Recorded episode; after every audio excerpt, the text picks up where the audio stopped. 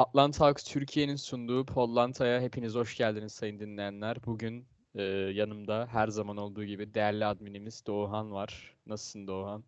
İyiyim. Sen nasılsın Arda'cığım? Ben de çok iyiyim ama bugün Berat yok. Onun bir üzgünlüğü var ikimizde de. Ya, Ya ilk bölümden sonra büyük toplanamadık. Kesinlikle. Ee, yani hep birlikte olsak daha iyi olurdu. Ama Atlanta Hawks iyiyse biz de iyiyiz. Ve şu an genel gidişat e, olumlu şeyler gösteriyor bize. Sen Ya ne biz- düşünüyorsun? Şu an Ha, bir hype oluştu. söyleyebilirim. Ee, bizler öncelikle e, gelip geçici kişileriz. Ben olurum, sen olursun, Berat olur ama Atlanta Hawks her zaman, her zaman baki kalacak. Bunu biliyoruz. O yüzden e, önemli olan onun varlığında burada toplanabilmek. Bunu söyleyebilirim öncelikle. Evet, güzel bir hype oluştu. Şu an e, memnunuz. Skordan memnunuz, gidişattan çok memnun olmasak da veya oyundan. Yani sonuçta hani e, 1-0 olsun bizim olsun şeklinde biraz ilerliyoruz ama ne zamana kadar böyle gidecek? O da biraz şaibeli gibi duruyor benim açımdan. Ya Doğu'da şu an dördüncü sıradayız. Önümüzde de Boston var. Onlar da üçüncü sırada ama galibiyet mağlubiyet oranlarımız aynı. Ee, 7'ye 3'üz. Şu an e, Milwaukee Bucks ve Cleveland ikilisi e, en üst sırayı gerçekten sahiplenmiş durumdalar. Özellikle Bucks mağlubiyetinden sonra biz e, acaba üst sıralara çıkar mıyız sorusuna bir cevap almış gibiyiz. E, bilmiyorum. Ben ama şöyle düşünüyorum. E, hani Boston olsun, Cleveland olsun bunlara diş geçirebilecek tavanda olduğumuzu düşünüyorum en azından. Özellikle Cleveland karşısında. Ya kesinlikle ben de aynı düşüncedeyim. Kadro olarak daha sınırlıyız. Bunu ilk iki bölümde de defalarca vurguladık ama yani playofflarda da baktığın zaman asıl mühim olan şey yani yaklaşık bir 8 kişilik kadro çekirdeğinin olduğu. O açıdan çok fena sayılmayız ama e, bütün sezon boyunca bunu götürmek tabii ki 8 kişiyle mümkün değil.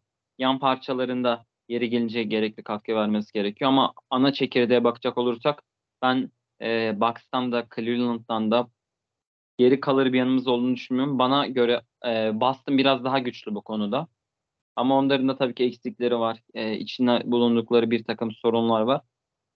Bunlarla birlikte ben de iyi bir zirve adayı olduğumuzu düşünüyorum. Ama tabii ki bu normal sezon adına geçerli. Hani koçumuzdan da kaynaklı. Normal sezonda çok e, sihirli dokunuşlar yapması gerekmediğinden dolayı. Yani iki tane de e, süperstar yani All All Star süperstar arası oyuncumuz var. E, bunlarla birlikte tabii ki yukarıya oynamamamız sürpriz olurdu diye düşünüyorum. Dün zaten Bucks'a karşı bir ezici üstünlükle galibiyet aldık. Kaybettiğimiz maçı bir telafi ettik. Ee, zaten şimdi geçtiğimiz bölümden sonraki maçlara kısa kısa değineceğim ama önce mağlubiyetlere değinmek istiyorum. Son bölümden sonra kaydettiğimiz son bölümden sonra yanlış hatırlamıyorsam e, iki tane mağlubiyet aldık değil mi? E, bir Bucks'a kaybettik bir de Toronto'ya karşı. Charlotte konuştunuz çünkü. Ee, o iki maçı sana soracağım özellikle hani takımın genel eksikleri eğer benzerse iki maç üzerinden eğer farklıysa yani eksikliklerimiz farklıysa ayrı ayrı maç üzerinden hani eksikliklerimizi ve neden kaybettiğimizi konuşalım sonra olumlu taraflara geçeriz zaten. Ya şimdi bu iki ma- maça bakacak olursak e, önce Milwaukee maçını değerlendireyim. Biz o Milwaukee maçında da benim şahsi kanaatimce iyi oynadık. Ben kötü oynadığımızı kesinlikle düşünmüyorum. Trae Young çılgın bir performans sergiledi. 42 sayılık bir oyun oynamıştı kendisi ama e, Trae Young'ın yanında aslında Murray de fena değildi. Ya bazen rakipte bir takım oyuncular coşabiliyor. Hani o maç Yanis'i sınırladık ve eksi 10'da kaldı. Sahada bulunduğu bölümde Bucks. Bu açıdan gerçekten e, olumlu işler yaptığımızı söyleyebilirim ama Brook Lopez'in çıkıp yanılmıyorsam 7 üçlük atması, Drew Holiday'in yani bir triangle vari oyun sergileyerek 30 sayı 10 asist barajını geçecek şekilde bir oyun sergilemesi bizim 21 çok atmış oldu. Efendim? 21 sayı atmış. Evet Yani o da 21 sayılık hani gerçekten önemli bir katkı verdi.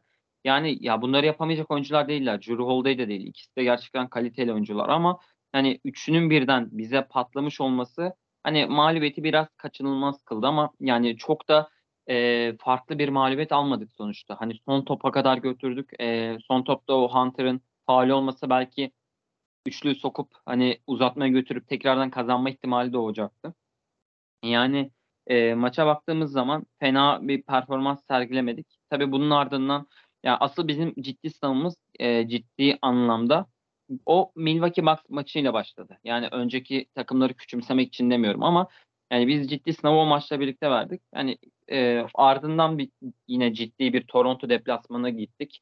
Yani Toronto deplasmanı tabii ki zorlu bir deplasman ve e, rakip iyi ya da kötüden ziyade bazen bazı rakiplerin kimyası sizin takımınıza tutmayabiliyor. Yani çok ters gelebilen rakipler oluyor. Toronto da bizim için öyle bir takım. O yüzden hani ciddi anlamda bozguna uğradık Toronto karşısında.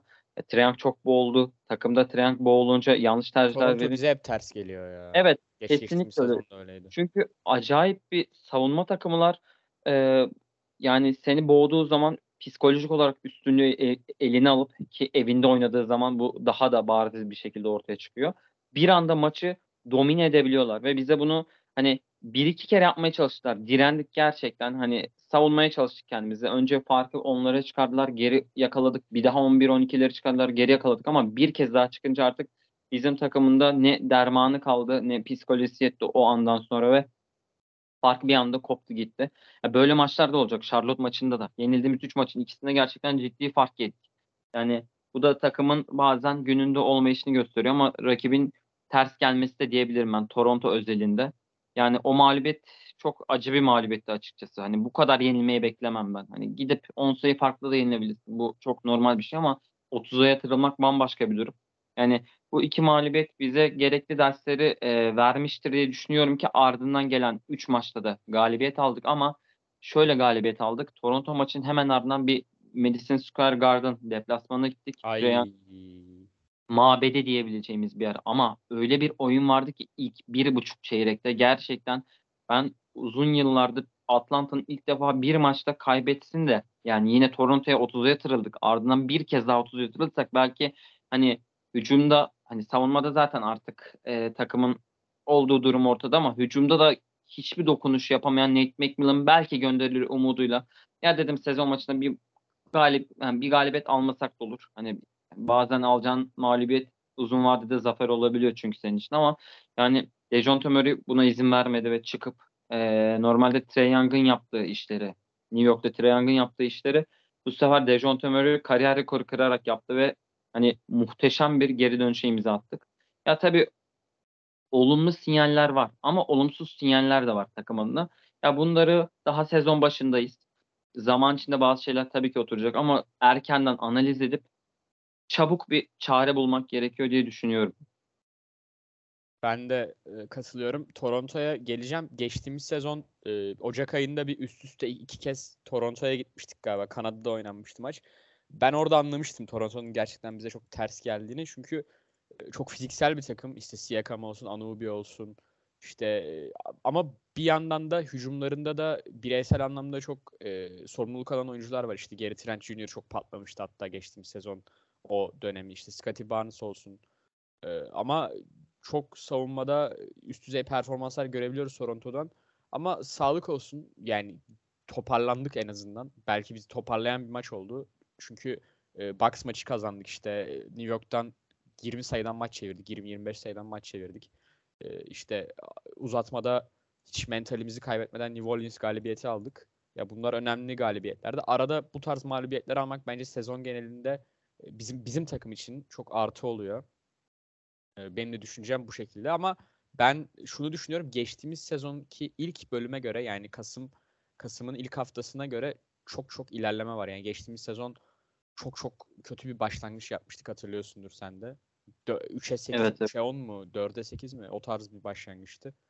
Ama şu an takımın bulunduğu durum çok mutlu ediyor beni açıkçası. Çünkü parla oyuncu parlatabiliyoruz artık. En azından bu önemli bir yeti.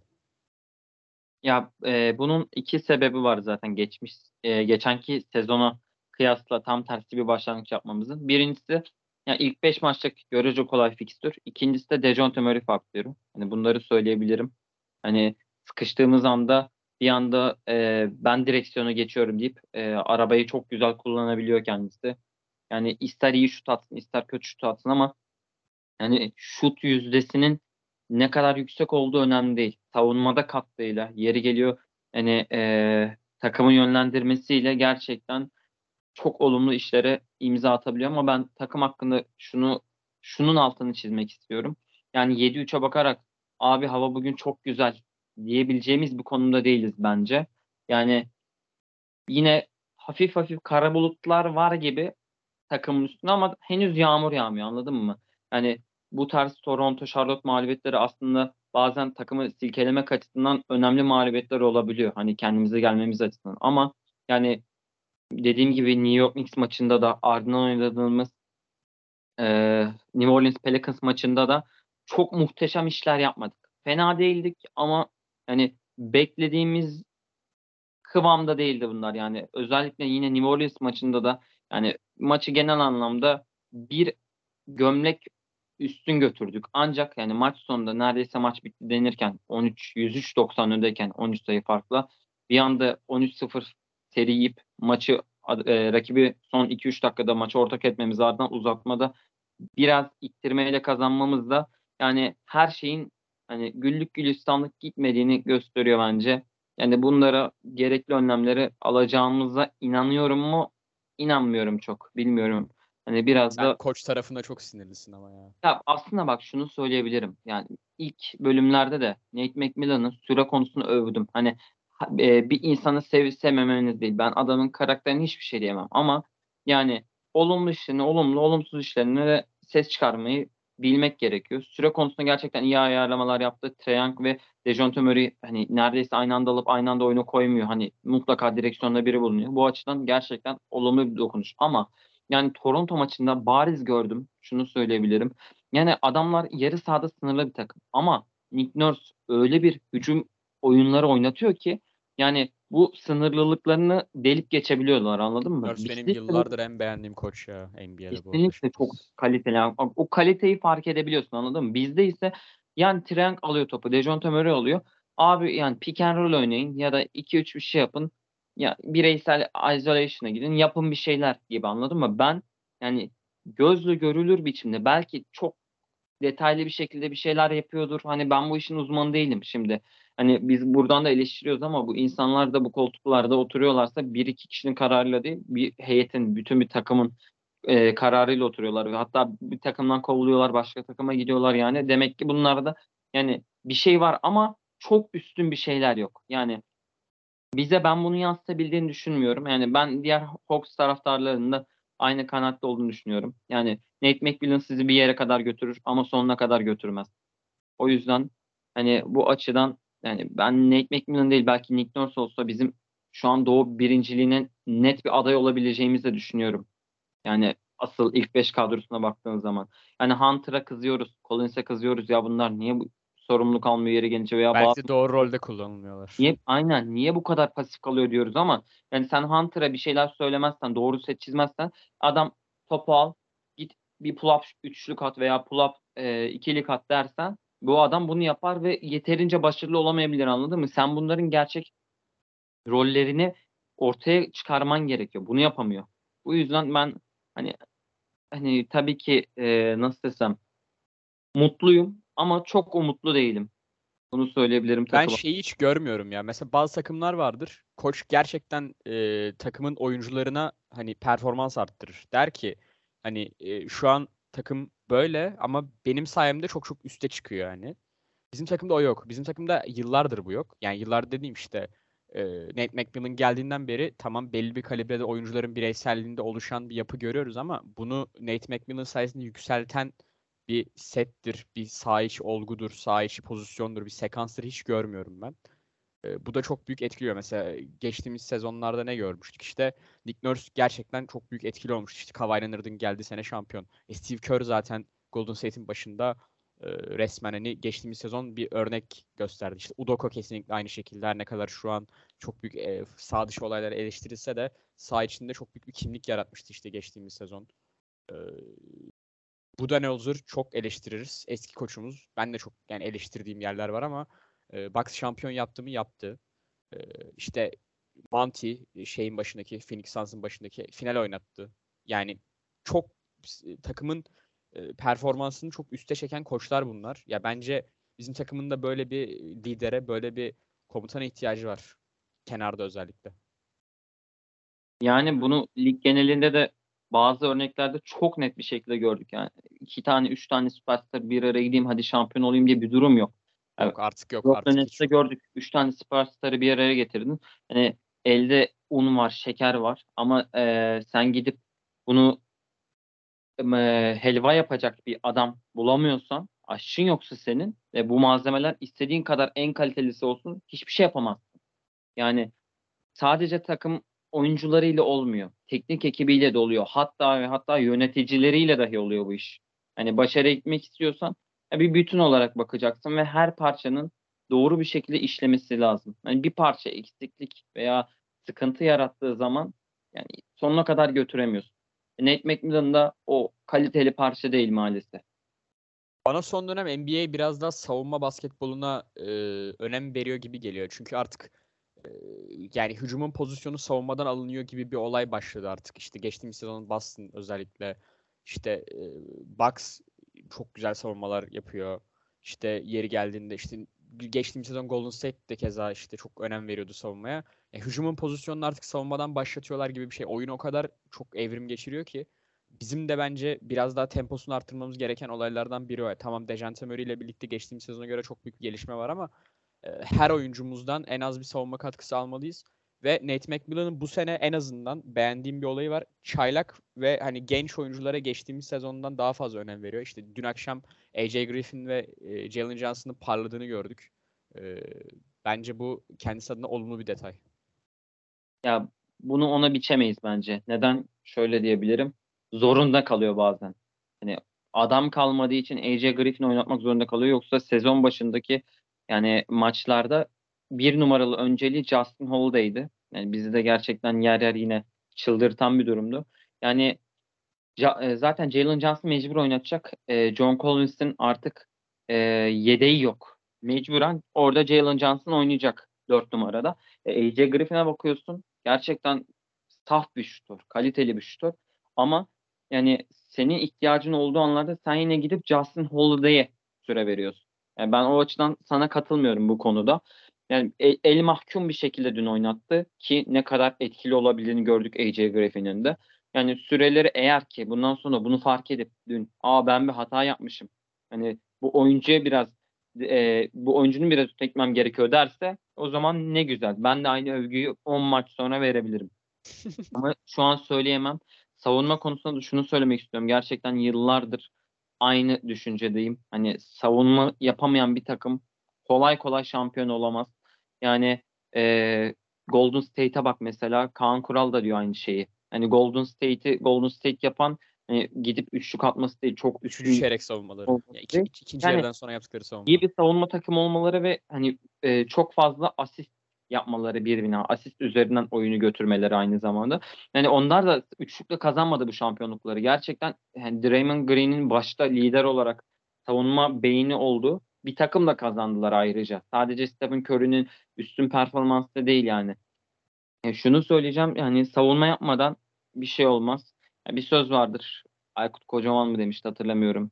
Hani e, hücum maç kazandırır, savunma şampiyonluk diye. Kim söyledi hatırlamıyorum şu an ama ya kesinlikle doğru bir söz.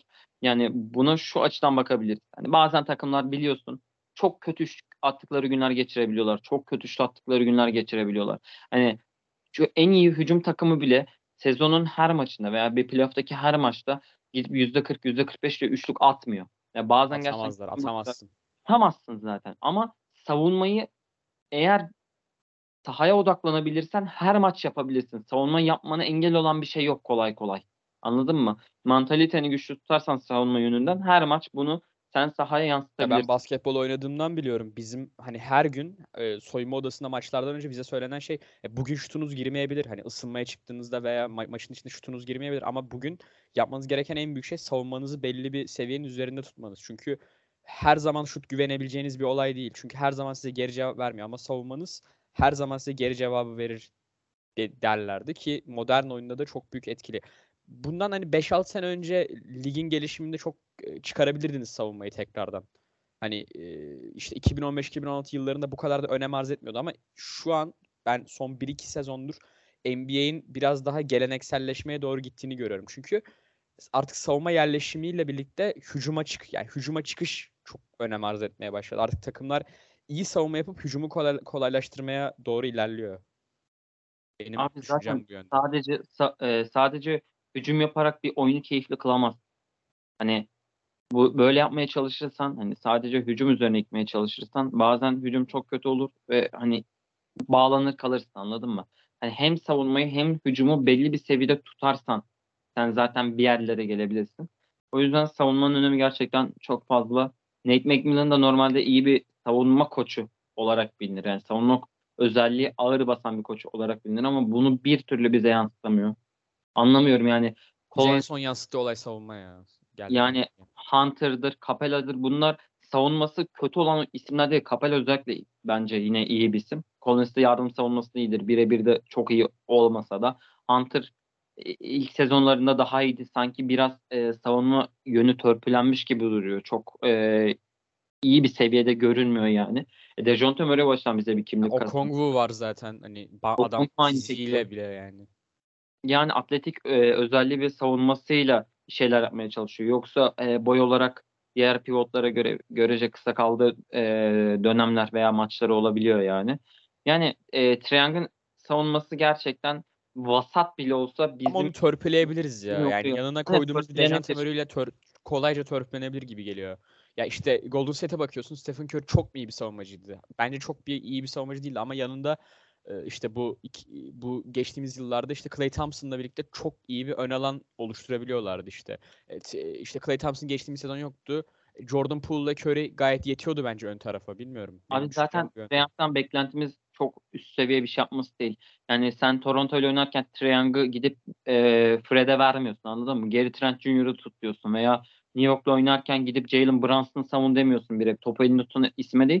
Yani köşede en azından e, Fournier'i kontrol altında tut. Hani o üçlüyü attırma veya o pozisyonu yaratma diyorsun. Senin Triang'dan savunma beklentin bu. Hani o yüzden Dejounte Murray asıl adamı savunarak Hunter rakibin forvetindeki e, en iyi ismi savunarak hani bir şey yapmaya çalışıyor ama yani tabii ki e, bunlara bu işi nasıl yapacağını öğretmeniz gerekiyor sizin. Bunlar doğuştan bir şeyler yapmayı e, bilen insanlar değil. Zaman içinde öğreniyorlar ve bunu teknik ekiple sağlarsın öncelikle.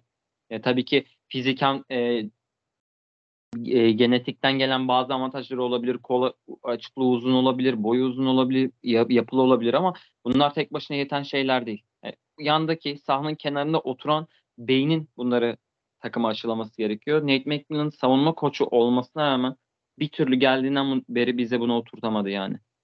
Ben geçen gün bir Twitter'da mention atmıştım işte Alperen Şengün hakkında. Biraz konu dışı ama savunma hakkında güzel bir takipçilerimiz açısından güzel bir yaklaşım olur. Alperen Şengün faal problemi yaşıyor işte son dönemlerde. Bir tane Twitter'dan e, takipleştiğim bir kullanıcı da şey yazmış. İşte Alperen faal problemini nasıl aşabilir yazmış. Ben de altına şey yazdım. Fa- savunma yapmayı öğrenerek yazdım. İşte altını açtım dedim ki faal yapmazsan savunma yapmayı denemiyorsun. Yani yapmıyorsundur demektir. Fakat çok faal yapıyorsan da savunmayı yapmayı deniyor ama bilmiyorsun. İtişip kakışıyorsun demektir. Savunma yapmak da ortasını bulmaktır. Ee, yazdım. Bunun ortasını bulduğumuz e, süreci takımca gerçekten çok e, üste çekmeye çalışabiliriz. Yani savunmanın genel bile, bileşenleri bunlar bana göre. Kesinlikle, kesinlikle. Böyle Yani yorum oldu benim. e, peki Hurter hakkında ne düşünüyorsun? Yani muhteşem oynuyor. Oynadı. Böyle oynadığı için gerçekten evladımız sonuçta mutlu oluyorum ama hani bench'te böyle bir Hurter görmeye şu an ihtiyacımız olabilirdi açıkçası. Yani Bogdan şimdi bir Bogdan gelsin oradan sonra o değerlendirme yapabilir. Ya Bogdan katkıyı verirse e, Hurter'ın aramayabiliriz. içine- Evet, zaten evet, ilk beş olarak görmüyorduk ama evet, yani evet. e, za- biraz daha zaten bir şey var. E, şunu diyebilirim. E, Hurter şu an bizim bench'imizde olsa bu katkıyı veremezdi. Yani Hurter'ı sen ilk 5'e monte edeceksin. Yani Sacramento'nun yaptığı gibi bir yönlendirici olacak ve ondan gerektiğinde o şutu atması yönünde beklenti gerekiyor. Sacramento'da o performans verebilecek özgürlüğe sahipti. Bizde ama içinde oynadığı adamlara bakıyorsun. İşte John Collins, Trae Young, işte geçtiğimiz sezon DeAndre Hunter'la, işte Bogdan'la bazen aynı 5'te oluyordu. Ya on- onun öncesinde bir sürü adam var. Ona top gelince işte eli soğuk oluyor, bir şey oluyor, top elinde patlıyor. Ya bu kadar yüzdeli oynayamıyor yani. Çünkü Atlanta'da bulunduğu sistem de çok farklı. İşte Sacramento'da biraz daha özgür bir basketbol var yapılanma gereği. Kafasına göre oynayan bir De'Aaron Fox var. Her ne kadar iyi oynasa bile. sistemli bir oyun yok. Benim düşüncem bu. Bu tarz takımlarda oyuncular çok daha kolay parlayabiliyor işte. Washington Wizards Russell Westbrook örneği. Lakers'a gelince ne yaptı? E, görüyoruz iki senedir yani ama Washington Wizards'ta adam play'in yaptırdı. Ya, özgürlük varsa oyuncu belli oranlarda oynayabiliyor ama e, onun öncesinde bir oyuncu varsa, bir sistem varsa, onun işte hegemo, takım hegemonyasında düşükse işte Young e, en üstteydi. İşte Huerter'de keza işte biraz daha düşüktü top kullanma e, işte yüzde olarak. E, böyle böyle performanslar normaldir. E, Bogdan da Sacramento'da gayet böyleydi. Bize gelince ne oldu? E, doğru yani ben şimdi Sacramento'yu çok izlemiyorum. izlemedim yani. O yüzden hani e, nasıl oynuyorlar sistemle Ben de şimdi bilmiyorum. Sacramento'lu bir e, işte dinleyici dinlerse bir linçlenmeyeyim. Ben de ben de çok fazla izlemiyorum ama bu yorum genelde yüzeysel bir yorum değil. Yani genel olarak bir sürü örneği var hani. Özgürlüğün fazlaysa her türlü o performans verebilirsin. Çünkü ya belli kalitedesin. Yani NBA'deysen belirli bir kalitedesin. Bu kaliteyi her normal sezon maçında yansıt her yansıtamazsın ama ara ara yansıtabilirsin dönem dönem. Yani e, bizde dediğim gibi bench'te topu verip al lider ol, bench'in lideri ol bir şeyler yap dersen ondan bu katkıyı kesinlikle ve kesinlikle alamazdık ama Sacramento'da belki senin bahsettiğin özgürlüğün de etkisiyle gerçekten iyi işler yapıyor. Ya bizde Trae bir topu gelip bir hücumda deneyip deneyip atıyorum kaçırdı veya üçlük soktu diyelim. Diğer hücumda tekrardan o üçlü sokma ihtiyacı duyup bir daha deniyordu mesela. Böyle olduğu takdirde mesela o Hurter özgürlüğü bence yeterince sağlayamıyordu. Toplu az buluştuğu dönemde artık ben de bir şeyler yapayım deyip yer yer sağlıklı, yer yer çok sağlıklı kararlar verebiliyordu. Yani Sacramento'yu dediğim gibi izlemiyorum ama belki de hani e, doğru bir oyun çiziyorlardır veya e, daha geniş bir hareket alanı, imkan alanı Sacramento var. Sacramento oynayacağız zaten. Ben de merak ediyorum. Ee, yani Örter'in performansını. 24'ünde onlarla oynayacağız bu ay sonu. Ee, bizim evimizde mi maç? Ee, evet bizim evimizde. Ee, o zaman çok daha sabırla bekliyorum diyebilirim. Örter'ı evimizde ağırlayacağımız için. Ya Sacramento açısından da ben bir iki şey demek istiyorum. Gerçekten e, Atlanta dışına çıkacağız ama ben Sacramento'dan bu sene gerçekten bir şeyler bekliyorum. Yani fena olmayan bir çekirdekleri olduğunu düşünüyorum ama Bilal Aksoy Doğan Ali Avcı dayanışması ya Twitter time'da. yani selam gönderelim buradan Bilal'e. Evet, evet. Yani evet, çok, e, çok açıkçası severim. Niye bir türlü olmuyor anlamıyorum. Yani sezon daha uzun toparlayabilirler daha. Çok e, berbat bir durumdalar mı? E, oyun olarak değiller gibi duruyor açıkçası. Yani çok isterim başarılı olmalarını. Yıllardır taraftarı hasret çekiyor artık. Hani şu konumda en azından bir şeyler yapabilsinler. Ya yani şampiyonluk falan değil tabii ki. Onlar biraz hayal ama en azından o playoff'u görsünler, bir or- ortamı görsünler. Hurter'ın da evlat olarak yani Sacramento'ya gidip bu ortamın içinde bulunmasını isterim. Yeri gelir belki ilk turda bir e, üst sıra takımlarıyla karşılaşıp Game 7 Hurter performanslı Sacramento'yu bir üst tura çıkarır. Yani bu günleri görürüz. Aşırı mutlu olurum gerçekten. Ama yani ne değişmesi gerekiyor? Bu takımda ne olması gerekiyor bilmiyorum açıkçası. Bir, bir, Bence bir onlar da pek bilmiyor. Bir kurşun döktürmeleri gerekiyor ama kimse tenezzül etmiyor gibi duruyor. Ben de katılıyorum. Onlar da bir taraftar da bilmiyor bence şu an. Bilmiyorum ne yapmaları gerek. Ya işte Golden State'in e, yardımcı antrenörü geldi işte geç bu sezon başında. Belli olumlu bir şeyler görmeyi umut ediyorlardı ama pek e, De'Aaron Fox'un performansı ve Huerter dışında pek bir şey göremiyorlar sanki. Sabonis nasıl oldu onu ya hiç Mike, bilmiyorum mesela ya. Yani e, Sabonis'e biraz sistem ediyorlar gördüğüm kadarıyla da Mike Brown kötü bir koç olarak durmuyor. Yani biraz onu sabretmeleri gerekecek. Evet, o da takıma adapte olmaya çalışıyordur tabii ki. Oturacaktır elbette yani. Biraz sabır gerekiyor Sacramento için de. Sonuçta Sabonis de Hani 3 senedir bu takımda değil. Yeni Hurter geldi. Bench için Monk geldi falan. Yani anca oturacak. Barnes çok kötü başladı. Yani bunların etkisiyle de hani oturur diye düşünüyorum zamanla. Ben onları daha yukarıda görüyorum kendi bakış açımdan yani. Her sene en kötü draft seçimini de yapmayı başarıyorlar ya. Ben başka bir şey demeyeceğim ya. Ya şuradan evet. Jaden Ivey almamak bilmiyorum. Şey ama bak ben bu konuda eleştiremem. Keegan Murray çok kumaşı iyi bir oyuncu olarak duruyor. Bu konuda I- Ivy çok daha iyi tavan tavan vaat ediyor bence. Bilmiyorum ben izlemedim. Sen tabii ki daha hakimsin e, kolej basketboluna ama umarım bu konuda linç yemezsin. Yani bugün Sacramento'luların üzerinde çok gidiyor gibi duruyorsun. Evet evet.